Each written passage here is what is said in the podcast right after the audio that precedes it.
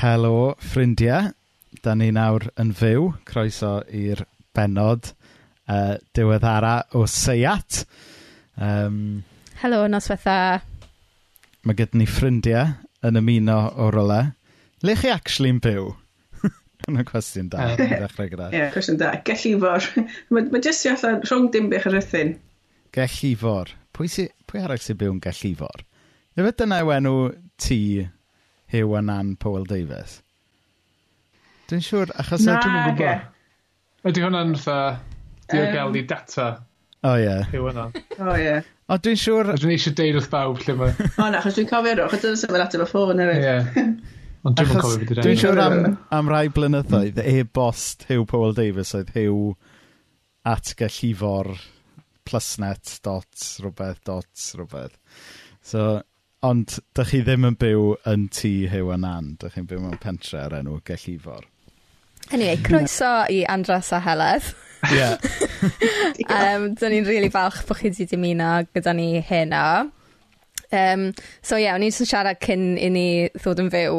Oedd yr podlediadau cyntaf na thris y fi, oedd e jyst ni'n dau'n siarad. Wedyn erbyn wrth o zwetha, nathon ni gael ffordd o gallu cael gwestai sy'n gofyn ni Adrian Morgan.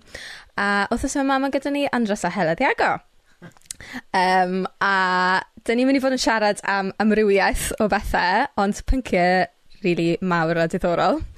Um, so I suppose prif beth yw bod 'na ddathliad o fath, um, achos dan ni'n cofio bod uh, marwolaeth Thomas Jones o Ddimbych. Ydych chi erioed wedi clywed am Thomas Jones o Ddimbych?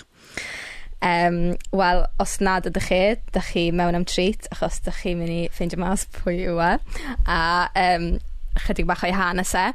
A chymryd, mae pobl wastad yn gweud bod hanes da ni ddim yn gwybod 'yn hanes yn hunain, hanes Cymru a fi'n credu da ni'n gwybod llai nag eriod amdano hanes Cresnogol Cymru a does neb arall yn mynd i ddysgu fe i ni, felly pam ddim dysgu fe gyda'n gilydd ar y podlediad yma.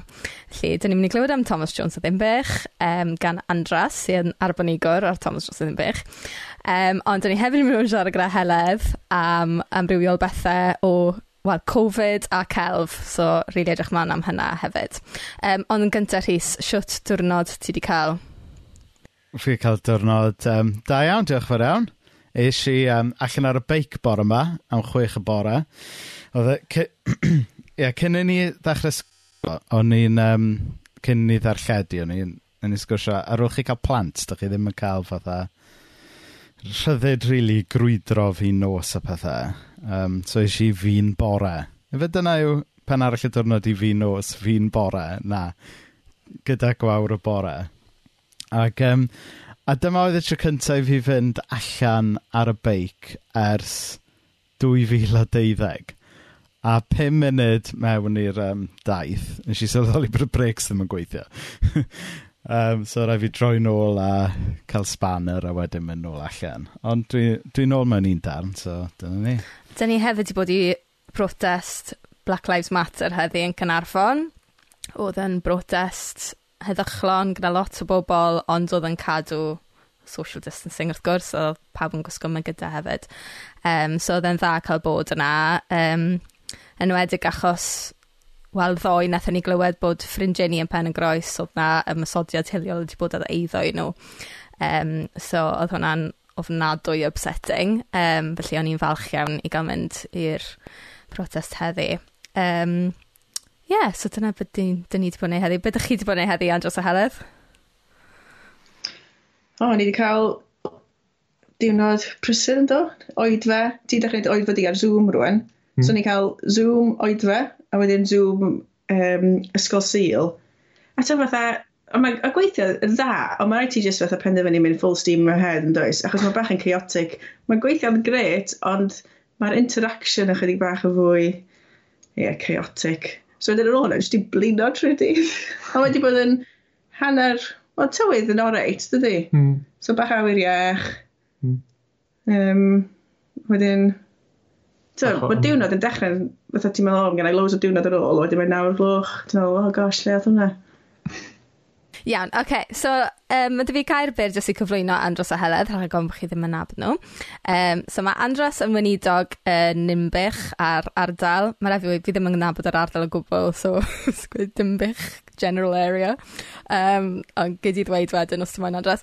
Um, a wedyn cyn hynny ti wedi cwblhau doethuriaeth am fywyd Thomas Jones o Dinbych, Um, sef yn pwnc ni hynna. A mae Heledd yn wreiddiol o'r Hill, a mae Heledd yn wyddonydd. A mae'n arbenigo mewn geneteg a bioleg moleciwlar. Nawr chi... 'na chi eiriau, chi beth yn glywed fi'n gweud fel arfer. Um, so ie, fel yn gweud, hyfryd i gael chi gyda ni. Um, a mae dyn ni teitl arbennig i'r podlediad yma, Um, diolch i Andros am y y teitl, Um, yn dod oherwydd bywyd Thomas Jones Dinbych, Tair Gwraig a Goldstones. Um, Heledd nath wneud y teitl yna. O, Heledd, sori Heledd. Dwi'n gwybod amdano fo, genuinely, dyna'r unig beth dwi'n dweud. Dwi'n cymryd cyfrifoldeb am y teitl yna. Time Greg Corstons. E o, o'n i'n meddwl yn ffantastig o teitl i gael. Naw teitl PhD ti, Andrew. Nes i awgrymu bys o'n deitl da ar gyfer llyfr yn cyfres y cewri, Dys o hynna'n dod, ond... Gwych. Gan i weld. Watch this space. Gwras y cerrig, falle. Ti angen ffindio hanes bywyd rhywun i ffitio efo'r stori yn falle. so, nid ni rhyw glw fan am problemau gol uh, Thomas Jones, ond um, Helef, o'n i'n meddwl dechrau gyda ti achos darbenigedd um, gwyddonol di. A wrth gwrs, mae yna masif argyfwng o'n cwmpas ni ar hyn o bryd, y pandemig uh, Covid un deg naw, so o'n i jyst yn meddwl bydde'n ddiddorol siarad gyda ti am chydig funudau am ie yeah, dy ymateb di i'r holl beth Um, a o safbwynt gwyddonol beth sydd wedi bod yn ddiddorol i ti o ran ymateb pobl um, a sut ti'n meddwl mae pethau wedi newid yn mynd i newid yn y byd meddygol oherwydd y pandemig. Ie, yeah, dwi'n meddwl, mae'n ddiddorol dydi, chos dwi'n meddwl, o ran safbwynt gwyddonol, beth sydd wedi bod yn digwydd ydy, mae gen ti ar un ochr pobl yn deud ni'n dilyn y gwyddoniaeth, ac yn yr ochr arall, ni'n beio be mae'r gwyddonwyr wedi deitha ni. So, just dipyn bach o fydda game o tennis rhwng y ddau beth ydy. Mae pobl oherwydd uh, beth sydd wedi digwydd ar nifer o farwolaethau a pa mor wael mae'r sefyllfa wedi mynd, dwi'n meddwl bod y gwyddoniaeth wastad yn rhywbeth hawdd i fod yn syrthio nôl yn efo fatha blame game, fatha rhywbeth i feio ynglyn â um, sut mae'r Llywodraeth wedi penderfynu rheoli'r sefyllfa. Um, Ie, yes, mae hwnna wedi bod yn ddiddorol. Fydd yn ddiddorol i weld wedyn os ydy hwnna'n cael effaith ar... Dwi'n gwybod os ydy pobl yn, yn, twyd, yn sicr o twyd, trystio gwyddonwyr yn y lle cyntaf. Um, falle bod nhw'n trystio gwyddonwyr yn fwy nag oedden nhw'n trystio gwleidyddion cyn hyn, ond dwi'n gwybod sut mae hwnna'n mynd i newid. Um, ond tywed, dwi'n gweld, pen ti'n gweld Patrick Valens a um, Prof Whitey yn siarad ar y teledu, tywed, dyn nhw ddim yn edrych yn gyfforddus na chdyn. Um, tywed, mae gen ti un person yn y canol, dwi wastad yn edrych yn eitha sicr o'i hun, ag, tywed, a mae'r lleill yn edrych yn anghyfforddus o ran be maen nhw'n gorfod rhannu, ag be maen nhw wedi cael ei deud i ddal yn ôl arno fo, dwi'n teimlo, to fatha effeithiau maen nhw'n gwybod sydd yn wir ag dyn nhw'n cael rhannu eto. A ti'n gweld yn ebyn nhw weithiau, maen nhw wir eisiau pwysleisio rei pethau, ond dyn nhw ddim cweit yn cael um, mynegu fo, ti'n fo, so... Mm. Um, Mae'n edrych weithiau sorry, mae'n edrych weithio fel bod y gwleidyddion tydyd yn defnyddio'r gwyddonwyr pan mae'n siwtio nhw a wedyn beirniadu'r gwyddonwyr pan mae'n siwtio nhw. Yn typical gwleidyddion a'r mix, mae'n atgoffa ti rili really, o mix gwleidyddiaeth a crefydd hefyd, ti'n dweud, fel perthynas yna. Ie, yeah, di gwybod, di gwybod. Um, O'n i'n edrych ar, ti'n dweud, ie, gwan, sori. Na, o'n i'n mynd i gofyn, ti'n mynd o ran Mae, gwleidyddion, gwyddonwyr nath pwysio gwleidyddion mewn i wneud y lockdown yn y diwedd fe, achos oedd Boris a Cummings yn uh, gyndyn o ddod ar lockdown mewn, ond a tyfod, fi'n credu yr, y general teimlad sy'n cael ei bod pobl yn berniadu a mynd i fod yn berniadu, tyfod, rhoi'r bai bod y marwolaethau mor fawr oherwydd y lockdown ddim wedi dod mewn yn gynt. So beth, beth yw barn ti am hynna, neu ti'n meddwl bod yna lot o farnau gwahanol, gwyddonol, a bod yn anodd i'r Llywodraeth wybod beth sy'n iawn. Dwi'n meddwl um, bod rhan fwyaf, os nad pob barn gwyddonol yn mynd efo dylse'r lockdown wedi bod yn gynt, a ddim jyst wrth edrych yn ôl, ond dwi'n meddwl yna lot o adroddiadau cael ei sgwennu dechrau mis mawrth neu cyn hynna yn deud yr unig ffordd ni'n mynd i stopio'r cannoedd o filoedd o farwolaethau ydy lockdown llwyr, sef um, lockdown o gymdeithas, uh, cadw pobl sydd wedi cael eu, sydd yn sal tu fewn a cael ysgolion a prifysgolion. Um, a nath hwnna gael, nath nhw atal rhag wneud hwnna am rhyw fatha 10 i 12 diwrnod yn dod dechrau mis mawrth oedd na y push mawr mae gan y gwyddonwyr i dweud na mae'r rhaid i gael lawr ac o'n nhw jyst ddim am wneud o so um, yndi, so, dwi'n meddwl bod yr llen deud yr um, sydd hefyd yn sy'n gyd yn pwyntio dig at, ond dyna be mae'r holl adroddiadau cynt yn deud ydy dylse wedi bod yn gynt, a mi fysa fo wedi arbed lot mwy o fywydau. Ond so, mae'n anodd. mae'n mae anodd i'r Llywodraeth i wneud yn ei wneud yr, yr amgylchiadau lockdown yma. Dwi'n dall hynny, ond um, mae'n anoddach fyth delio efo beth sydd wedi digwydd. Canlyniadau nawr. An yeah. Yeah. Mm.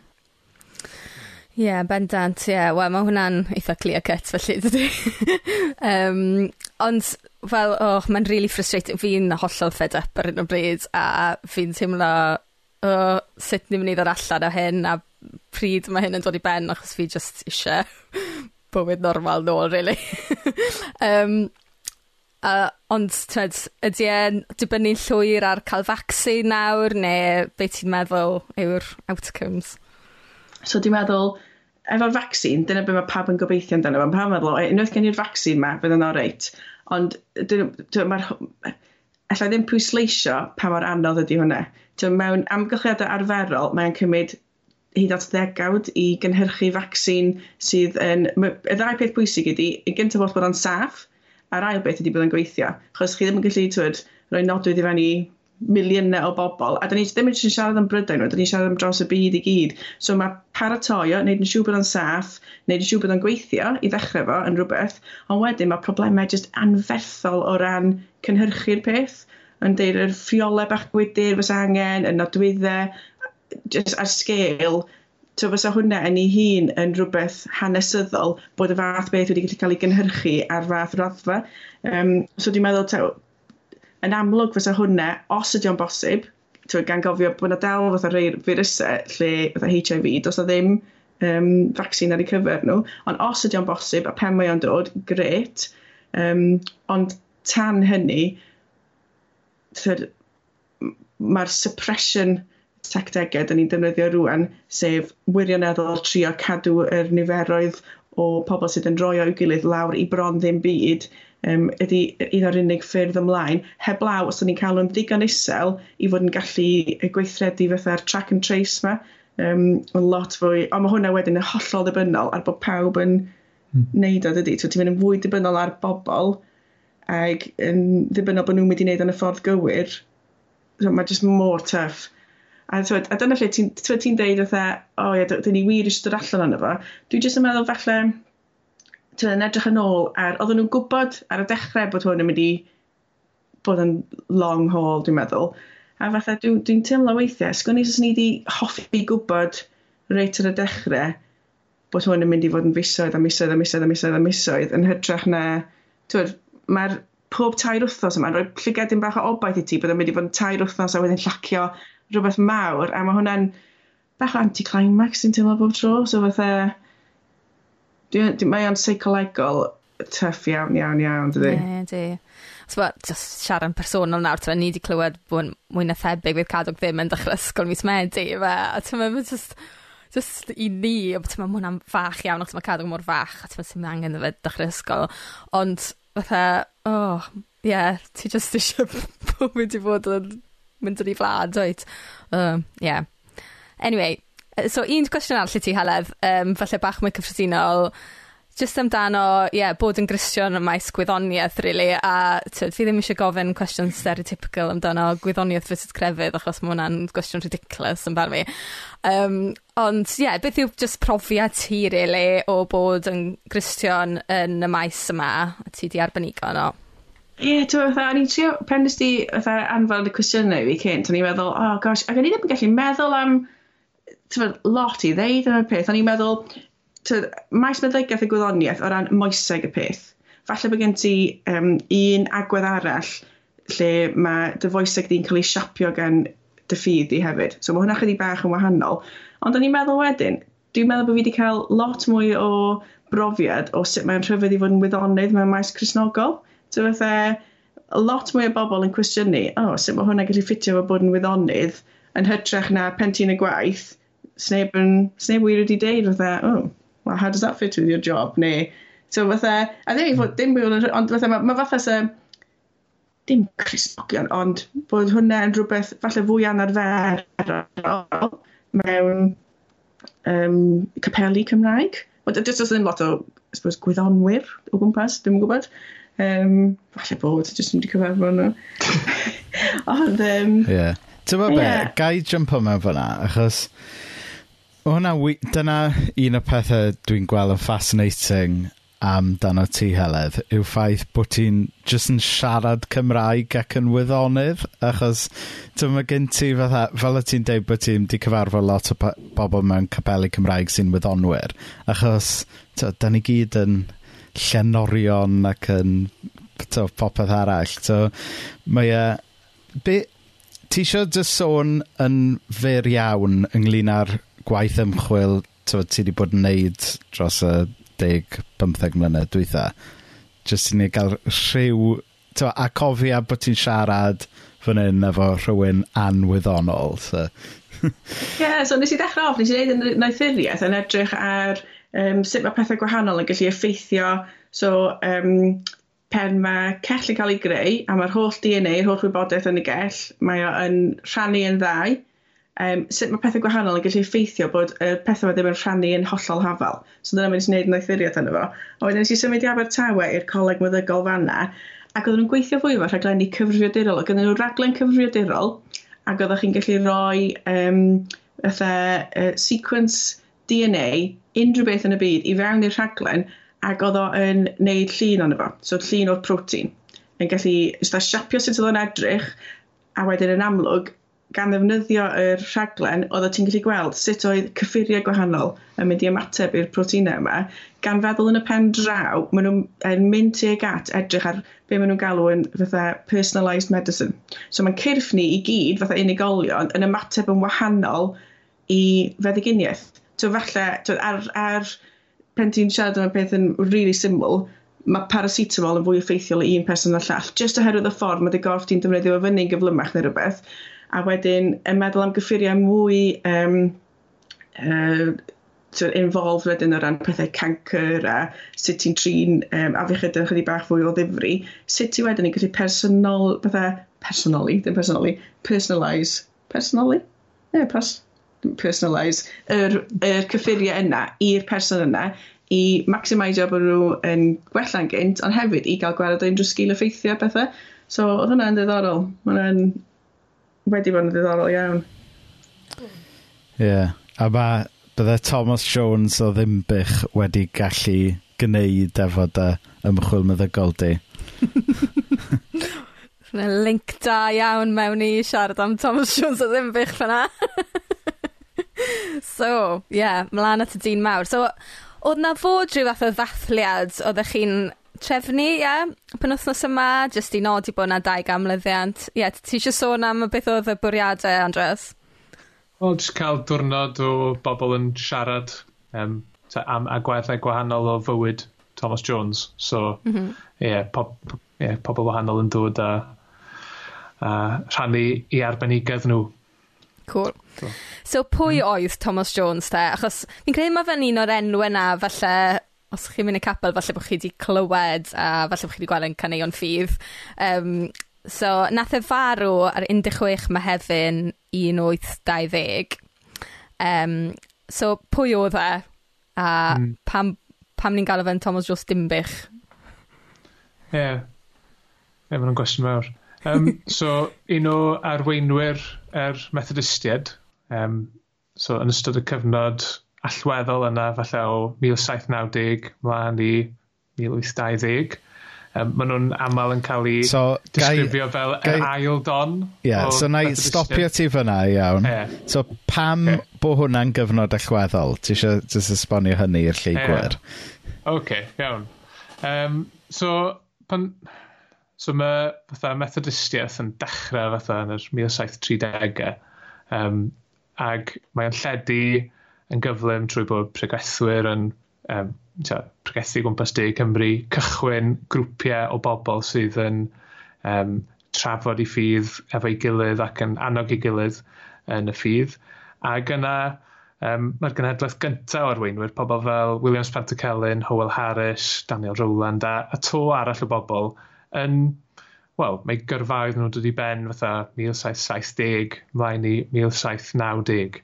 Wedyn, mae yna fatha ton newydd o bobl yn dod i arwen y mudiad, a mae Thomas Jones yn un o brif arweinwyr yr, yr ail don um, o arweinwyr.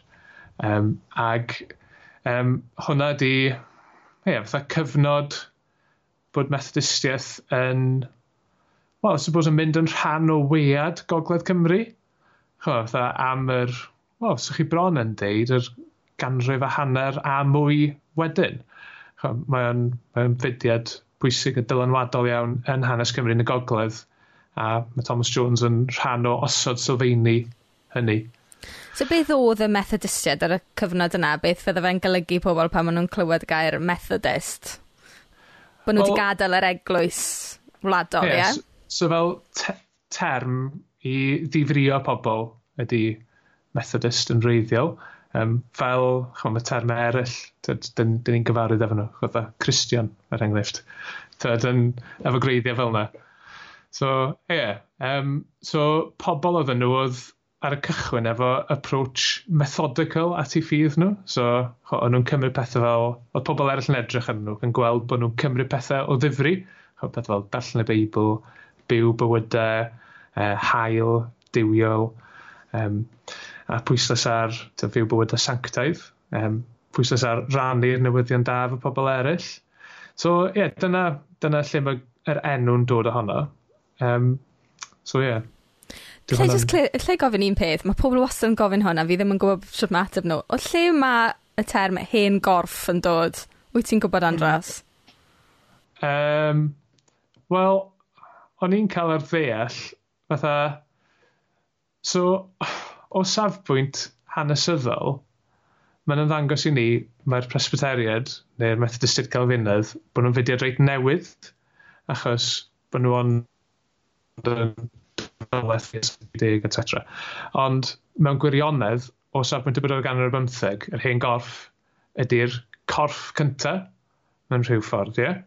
So mae'r anebynwyr a'r bydyddwyr yn, yn dod yn undeb yr anebynwyr, undeb y bydyddwyr ar bwynt lot hwyrach So, dyna.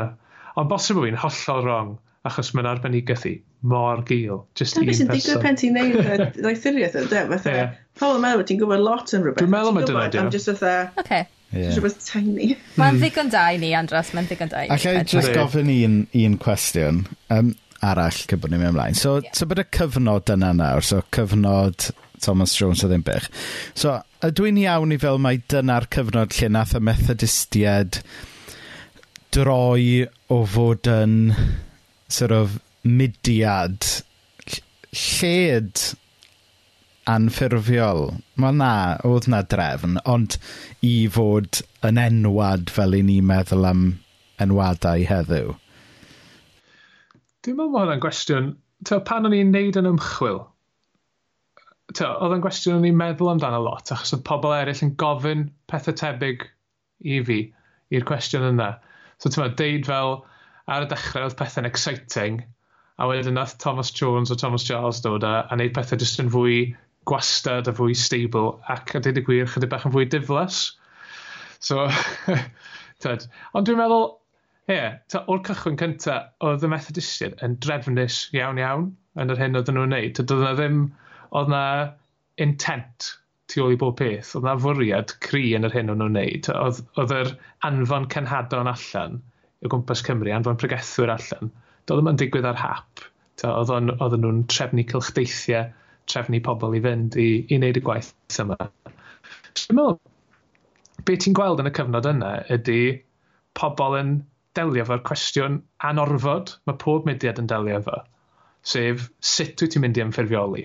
Nid Nid y cwestiwn ydy, ta, os wyt ti'n mynd i nebeidio i bob mudiad ac i bob sefydliad, mae yna bwynt yn dod lle mae'r cwestiynau a'r tensiynau ti wedi wynebu, uh, neu falle ddim di wynebu'n dyddiau cynnar, yn anorfod yn mynd i ddal fyny efo ti.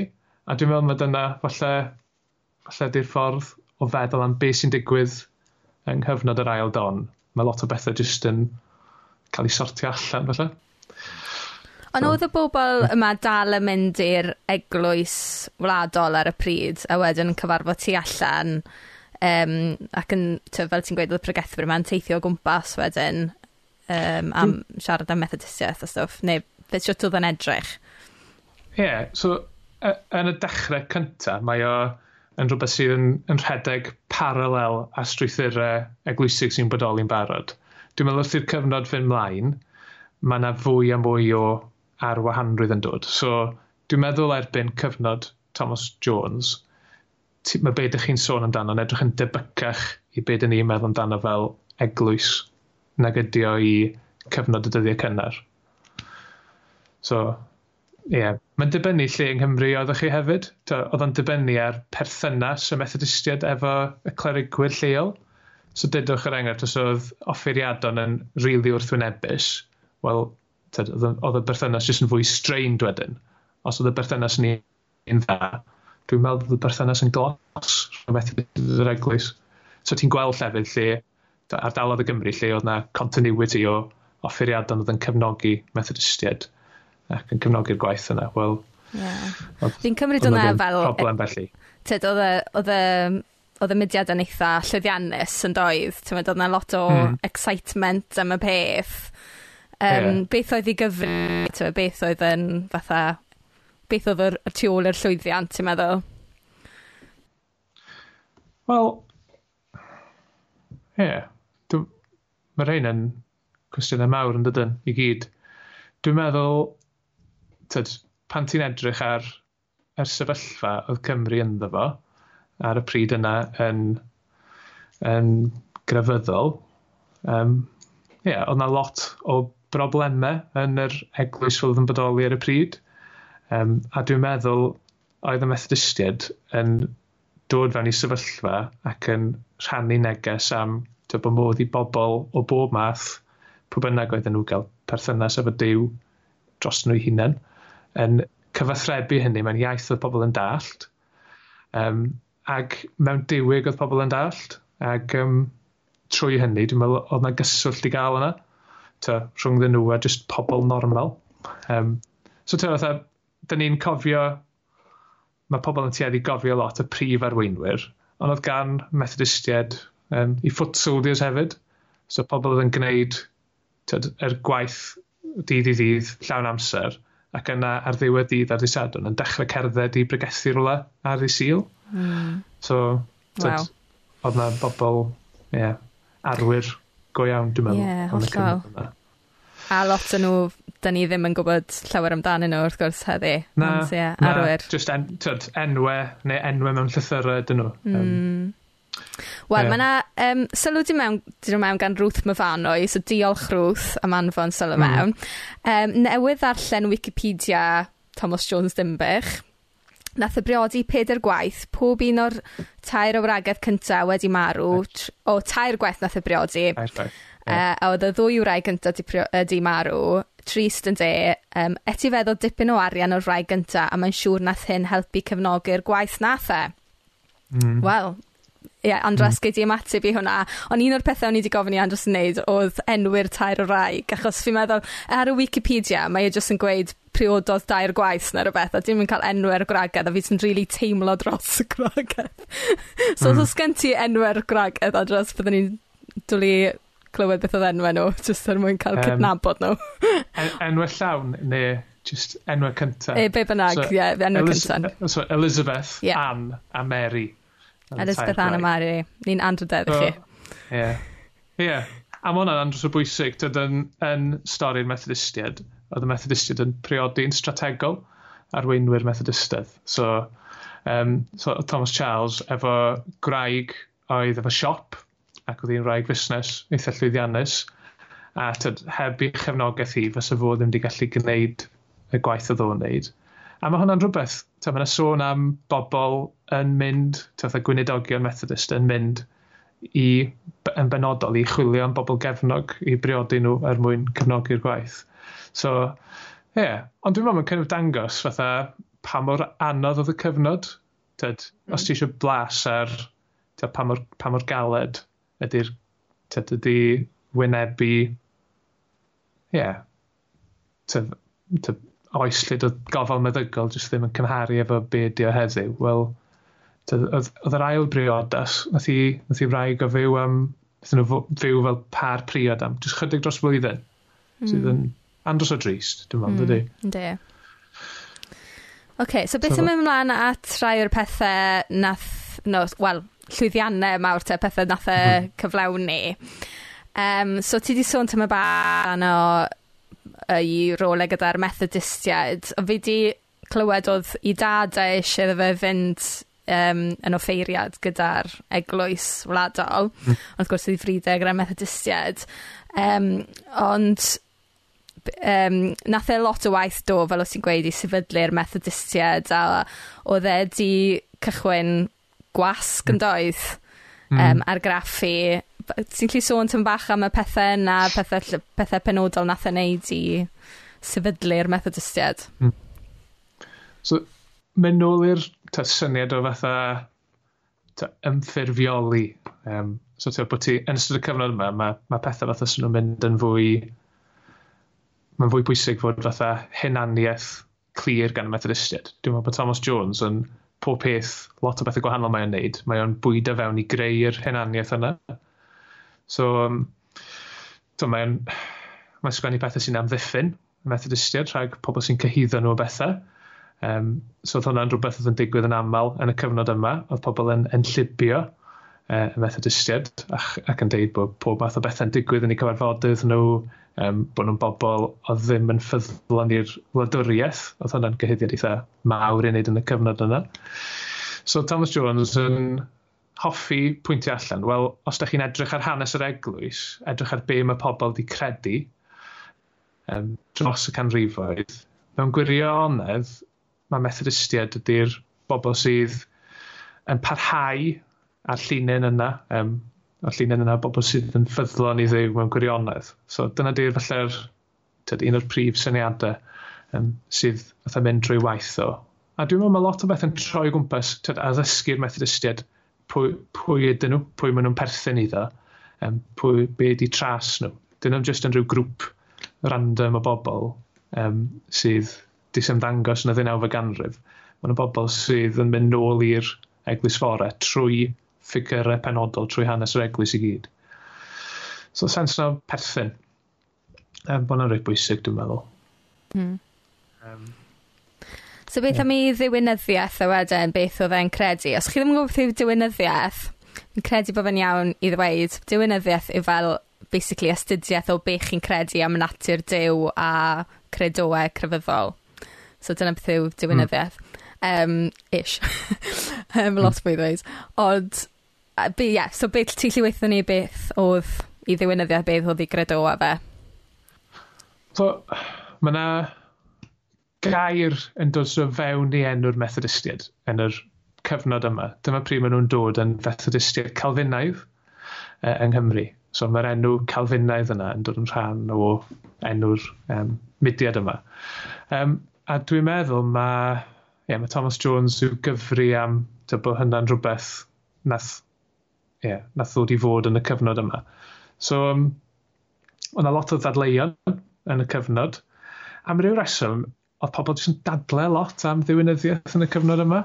Um, mae'n cael ei nabod fel cyfnod y dadleuon diwynyddol yng Nghymru. A mae Thomas Jones yn dadle ac yn rhoi safbwynt eitha clir mlaen ar um, yeah, um, pethau wneud efo well, iawn uh, yr iawn neu marwolaeth Iesu Grist. Um, so, oedd na... Dwi'n meddwl pan ydych chi'n edrych yn ôl rwan ar hyn i gyd, so, oedd yr anghydffurfwyr a'r eglwys yn cytuno ar andros o lot o stwff. Pan, pan o'n safbwynt ni heddiw, na edrych nôl ar hyn i gyd, o'n nhw'n cytuno ar bod Dyw yn, yn drindod, o'n nhw'n cytuno ar bob math o bethau, ond wedyn oedd na bethau specific iawn iawn oedd yn gwahanu nhw um, pethau i wneud efo athrawiaeth ar iawn. Pethau fel ta, pwy mae Iesu Gris wedi marw drosto. Um, a dwi'n meddwl, fatha cyfraniad mawr Thomas Jones yn hyn ydy, achos bod yn fwy gwybodus, achos bod ganddo fo ddealltwriaeth eitha eang o cefndir hanes yr eglwys, be mae'r eglwys wedi credu am hyn dros y blynyddoedd, mae'n gallu cadw ffocws pethau ar lle mae'n bwysig. Um, so dwi'n meddwl, o'n i'n trio meddwl, fatha, os oes rhywbeth yn, sy'n annog rhywun i darllen rhywbeth gan Thomas Jones, mae'n llyfr i gael gan fo ar Google Books, efo'r teitl Ymddiddanion ar Brynedigaeth. Ac yn y llyfr yna, uh, mae o'n, yn sylfaenol, mae o'n mae dadle um, bod nifer o bobl ni gyfnod o yn mynd o'i le achos bod nhw'n anghofio beth sy'n digwydd pam mae Grist yn marw a sut mae hynny'n cyflawni achubiaeth i bobl niw, mae mab Dew yn rhoi hunan dros bobl ydy'r peth pwysig um, a mae dyna di beth sydd yn greiddiol am yr iawn. Nid y syniad falle bod rhywun di bod Iesu yn talu rhyw fath o swm ariannol i ddew dros nifer arbennig o bobl neu neu rhyw fath o y cymleth iawn oedd yn mynd rownd ar y pryd. Mae Thomas Jones also yn gallu dod yma nôl at yr, at yr hyn sy'n sy greiddiol. Um, so dyna pam dwi'n meddwl, pan ydych chi'n darllen nhw trwy ta, pobl sydd yn ddiwynyddion pwysig yn hanes Cymru, um, sy'n dod ar ôl Thomas Jones, maen nhw'n aml yn cyfeirio at y fo fel un o'r meddylwyr mawr, a dwi'n meddwl dyna pam. Um, achos beth oedd o'n um, cyflwyno ar bwnc athrawiaeth ar iawn. A, a'r ffordd nath o ddal i dirwyr pan oedd pobl yn dadl efo fo a, a pharhau i, i sticio dros be oedd o'n gwybod oedd yn reit. So, ie. Yeah. yeah. Mae e lot um, llai enwog na i ffrindau e, Thomas Charles yn dweud. Mm. Mae Thomas Charles, yeah. yeah. dyn ni'n gwybod amdano fe achos cymdeithas y Beibl a stwff dydyn, mae'n rhan yeah. o sawl yeah. stori fawr mm. genedlaethol a yeah. Um, yeah, rhyngwladol, falle, hefyd. Rhyngwladol, ie. Yeah. Fatha, pwyses o, mae wedi gwneud rhywbeth llwyddiannus tu allan i Gymru. Mm. anyway, um, um, yeah, dwi'n meddwl, rheswm y pam ddim, Thomas Jones ddim teithio tu allan i Gymru bron ddim, o beth dwi'n gallu gweld, heblaw am cho, visit hwnt y gyma. So doedd o ddim efo, efo'r cysylltiadau ehangach o gan Thomas Charles. A hefyd dwi'n meddwl, nath o wneud andros o lot a lot ohono fo'n dawel. Um, so, uh, pan dwi'n so dwi edrych ar yn selfie, mae'n gwneud dipyn o lyfrau Thomas Jones. Mae rhai yn nhw yn 1200, 1300 dydlennau o hyd. Um, so, maen nhw'n bethau sylweddol sy'n cael ei sgwennu'n Gymraeg. Um, siw bod rhai o'r llyfrau mwyaf Cymraeg oedd yn cael ei cyhoeddi yn y cyfnod yna. Um, a dwi'n meddwl, mae wedi treulio lot fa, a dreulio lot fa o'r amser yn, yn sgwennu ac yn cyhoeddi ac yn golygu gwaith um, pobl eraill ac yn cydweithio efo pobl eraill hefyd. So dwi'n meddwl mae, mae hynny gyfri am, am hynny. Hefyd, mewn cyfnodau hwyrach, oedd pobl ddim yn werthorogol o um, diwynyddiaeth. Um, erbyn dechrau'r ugeinfed ganrif, pan oedd pobl yn sgwennu hanes y bobl yma o ddifri, oedd gymaint o um, waith Thomas Jones wedi digwydd ym maes diwynyddiaeth yn benodol i gymharu efo Thomas Charles lle oedd falle pwysles mwy addysgol oedd pobl yn gallu gwerthfawrogi. Um, doedd pobl, oedd pobl yn gweld lot o'r dadleuon fel pethau di fydd a, a, a da i ddim. So dwi'n meddwl mae hynny hefyd yn, yn y cefndir pan bod ni mo, ddim mor gyfarwydd efo Thomas Jones. Felly bod hwnna'n dymlaen ymlaen â ni at un o'i emynau fe. Fi'n siŵr o fe Rhys dod mewn fan hyn, achos mae hwnna'n un o'r pethau mae Rhys wastad mewn mlaen ymlaen amdano. Um, yn enwedig ni'n canu'r emyn yma. Um, emyn enwoca Thomas Jones, so ti eisiau siarad am dy bygber di, Rhys?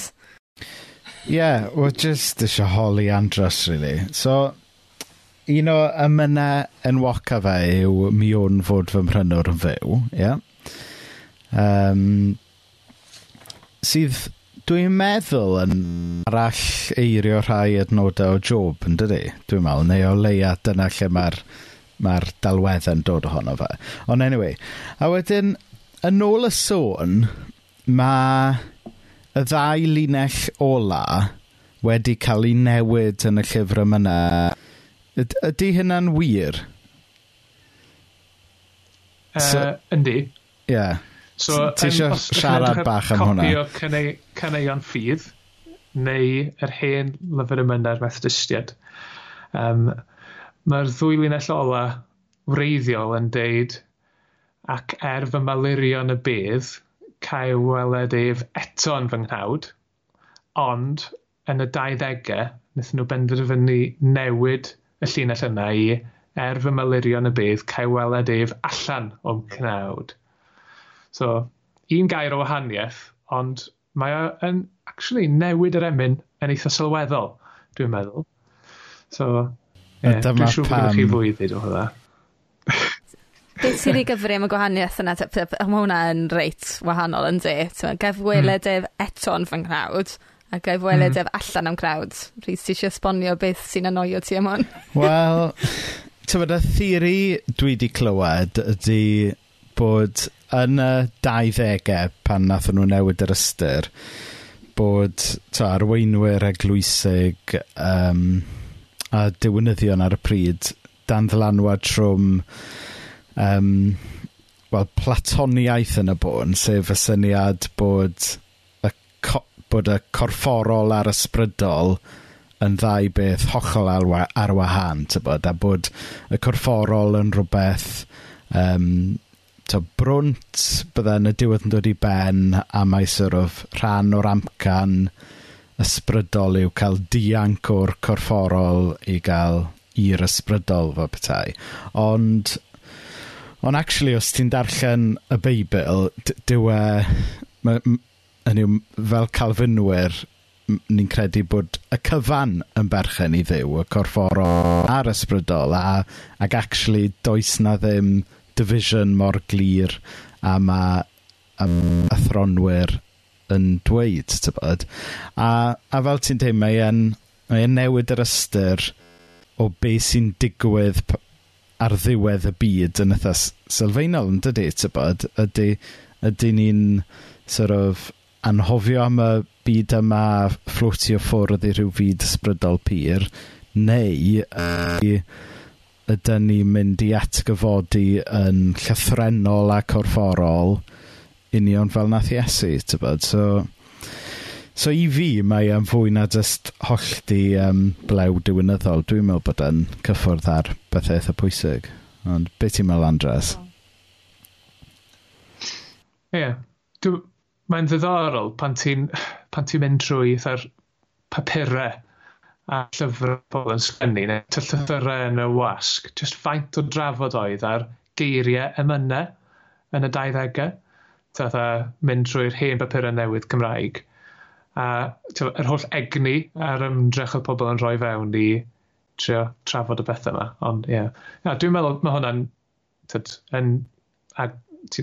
agos at y le yn deud hwnna, am yr sefyllfa ac am be oedd, be oedd i digwydd. Dwi'n meddwl bod yna rhyw fath o chydig bach o embaras yna am y syniad o yr atgyfodiad. Um, allan o'n cnawd, mae o jyst yn gyffredinol, jyst yn fwy... Ie, yeah, mae jyst yn raddol bach yn mynd yn detached o ddi wrth... Wel, y ffaith bod y Beibl yn, yn sôn am ac yn honni am, ac yn disgrifio digwyddiadau real. Ta, ta, bod Iesu yn atgyfodi chod yn llythrenol. Ac um, tyda, ar ddiwedd amser, mae'r ma llyfr yr actau um, a testament newydd yn edrych mlaen at, at Iesu'n dyn nhw ac yn dod i deyrnasu chod, yn y greadigaeth yma. Nid mewn rhyw fath o fydysawd digyswll lle dyn ni'n rhyw fath o eneidiau'n hofran o gwmpas y lle. Um, a dwi'n meddwl, mae'n ma drist wir pan ti'n meddwl am y peth, um, colli'r cyswllt yn y cyfnod yna, colli cyswllt yr emyn yma efo just y syniad mawr chrysnogol yna, y syniad cyffredinol chrysnogol yna o tyd, well, atgyfodiad y corff a um, yeah, yr hyn sydd eto i ddod. So dwi'n meddwl, ie, yeah, dwi'n meddwl mae o'n bwysig os da ni'n gallu, gallu gwneud hynna i drio adfer y llinell reiddiol um, ac i gael Ie, yeah, a gael yr enbyn yma fel dylsau fod. Wyt ti'n awgrymu Andras. Dylen ni fod yn defnyddio'r amser yma yn lockdown i wneud rhyw fath o stickers bach a wedyn mynd yn y rownd caneuon ffydd yn bob mm. capel a just, tywed, fel bod pan bydd pawb nôl yn capel, bydden nhw'n hmm. agor mm. caneuon ffydd a bydd y sticker yeah. bach dros yr enbyn yma. Dwi'n meddwl dyna ddim yn defnydd da o lockdown, neu? Dyna ddim yn syniad drwg, ond wrth gwrs, mae adeiladau fod ar gai ar hyn o bryd.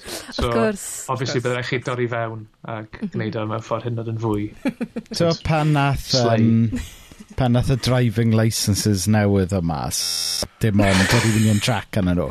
Wedyn nath, nath y lolfa gynhyrchu stickers mhm. drai mm goch i roi dros yr union track. Wel, dwi'n meddwl dylen ni, ie, yeah, cynhyrchu Masters i, mm.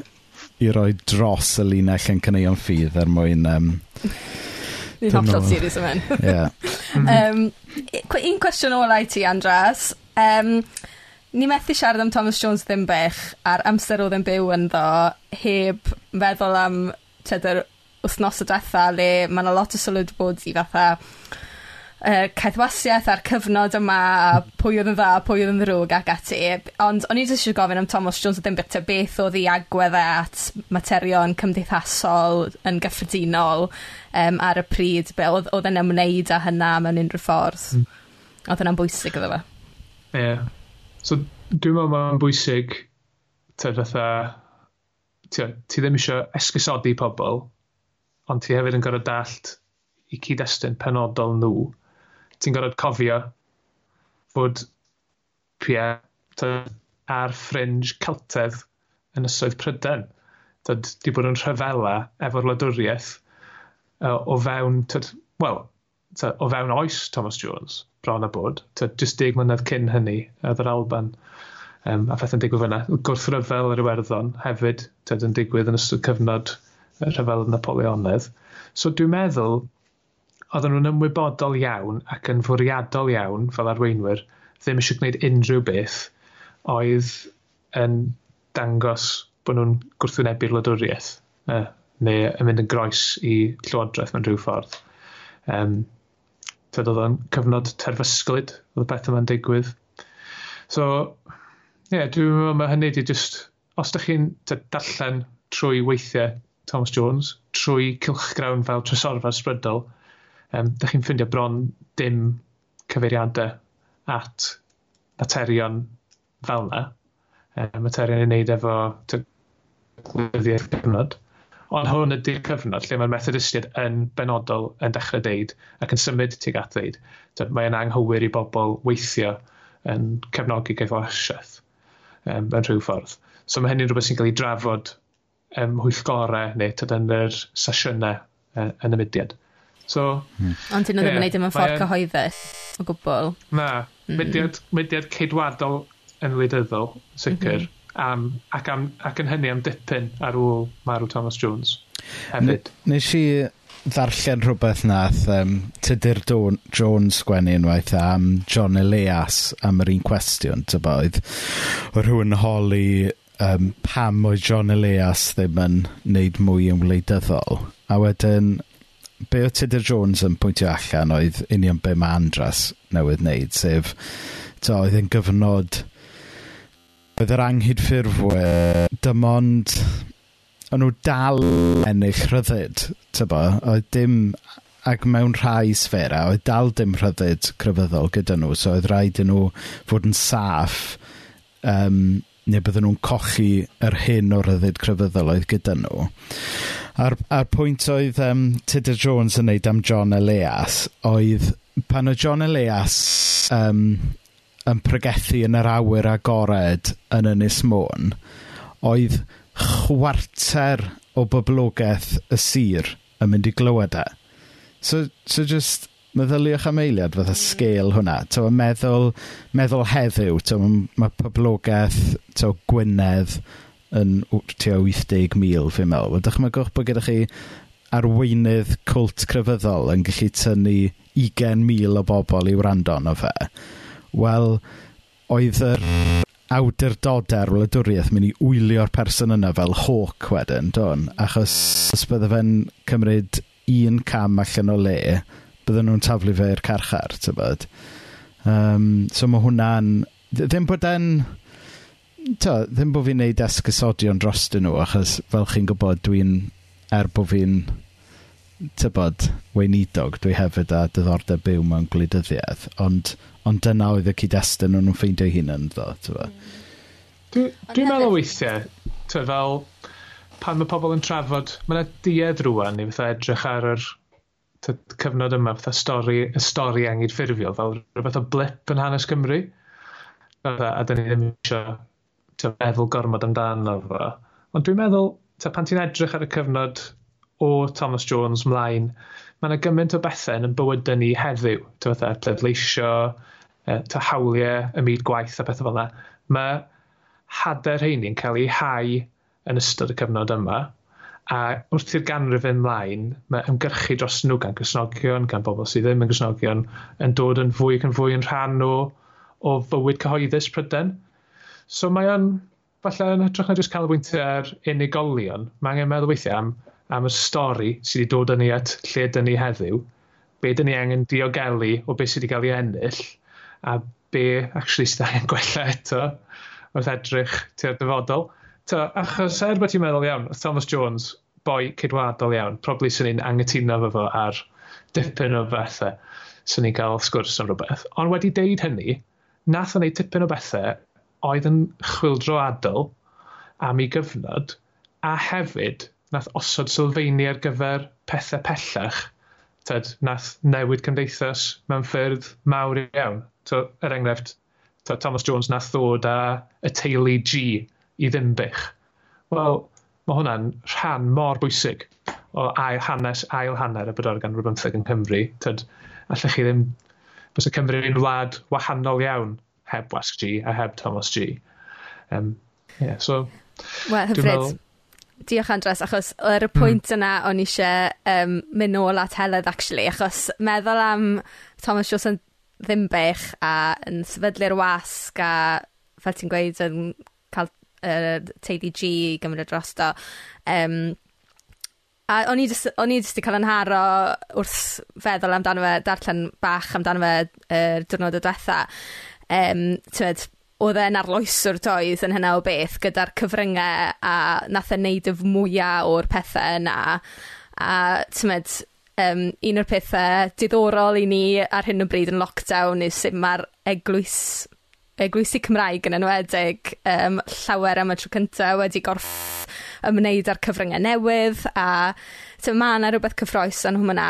Timod, dan ni gyd yn gyfarwydd erbyn hyn a cael cwrdd-gweddi neu cyfarfod timod, grŵp o studiaeth Beiblaidd neu be bynnag, neu um, capel a dros Zoom a pethau, mae'r pethau mae gyd yn newydd a jyst yn agor meddyliau ni lot o pethau o'n i ddim 'di meddwl amdano o'r blaen really. Um, ond un o'r pethe 'di wneud yw dechrau grŵp um, Cresnogol yn edrych ar celfyddau. Um, a dych chi wedi bod yn cyfarfod dros Zoom yn do? Um, a so ti eisiau sôn chydig bach am hwnna achos fi'n credu mae hwnna'n rili cyffroes. Ie, yeah, so nath y syniad dod yn wreiddiol. Oedd o'n rhywbeth o'n i'n mynd i wneud efo, yr ysgol, dwi'n wneud efo'r ysgol sil yn y capel ni'n Llandyrnog. Ac o'n i jyst yn trio meddwl, ty fatha, ti'n gweld gymaint gweithio celf hyfryd a mae'n so neis i just cyflwyno'r plant i rei o'r gweithio celf sy'n neud efo t'od Cristnogaeth achos ma' Cristnogaeth a chelf neu crefydd a chelf yn t'od jyst yn gymaint yn mynd llaw yn llaw o ran cyllido i gilydd ac yn t'od yn um, just yn um, dylanwadu lot ar ei gilydd. So ni'n meddwl o unwaith y mis nawn ni edrych ar lun t'od siarad o'r llun siarad am rhywbeth beiblaidd sy'n mynd efo fo. T'od marfer bach o sort of steil y llun neu jyst rhywbeth fel yna, hwyl i'r plant. A wedyn eitha lockdown ddigwydd.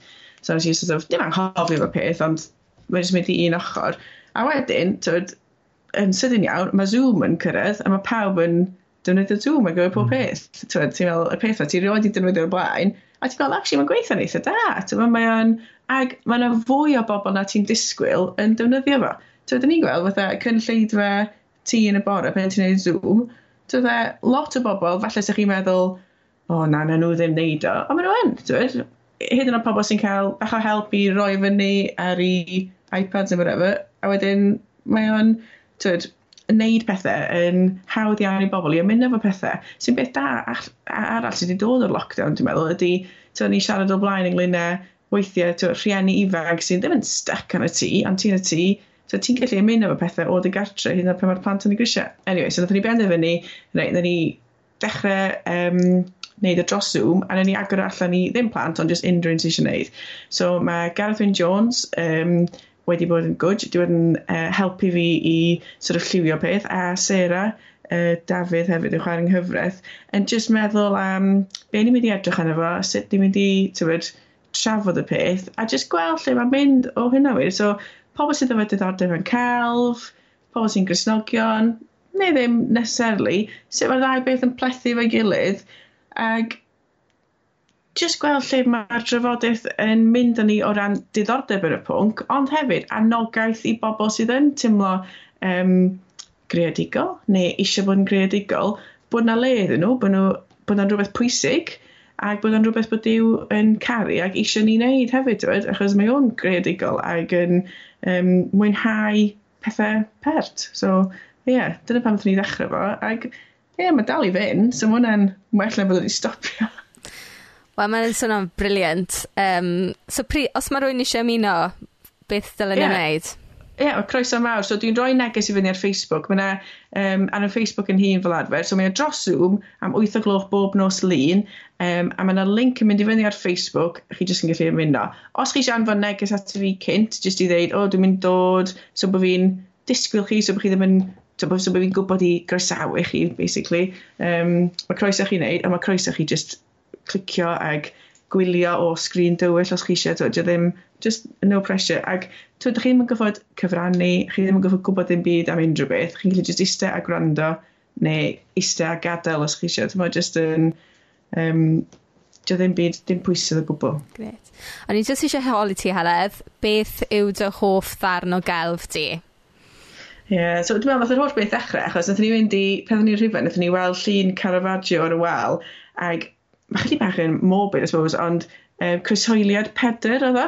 So mae llun o croesoeliad pedr, a ti fatha, dwi'n meddwl bod fi roed i timlo fel na ddarn o gael fo blaen, ond oedd o yn, wy jyst yn taro ti, fatha, y ffordd oedd wedi cael ei beintio, a wedyn ti'n de, ti'n de, dechrau darllen am yna'r technegau gwahanol mae'r boi'n defnyddio am defnyddio ongles o bod yr tyd, pob peth yn dechrau dod allan o'r llun tuag at y ti a ti sort of yn dall mwy wedyn o falle ta dyna pan mae'n taro i gymaint achos mae oedd o yn um, drawiadol iawn iawn iawn a hefyd tyd, mae jyst yn, yn anhygol faint o deimlad mae rhywun yn gallu roi i fewn i luniau dydy ti'n ti wir yn darllen hmm. lot i fewn i wynebau pobl er, y teimladau nhw ar y pryd, mae'n just yn, a dwi'n teimlo bod yn fascinating.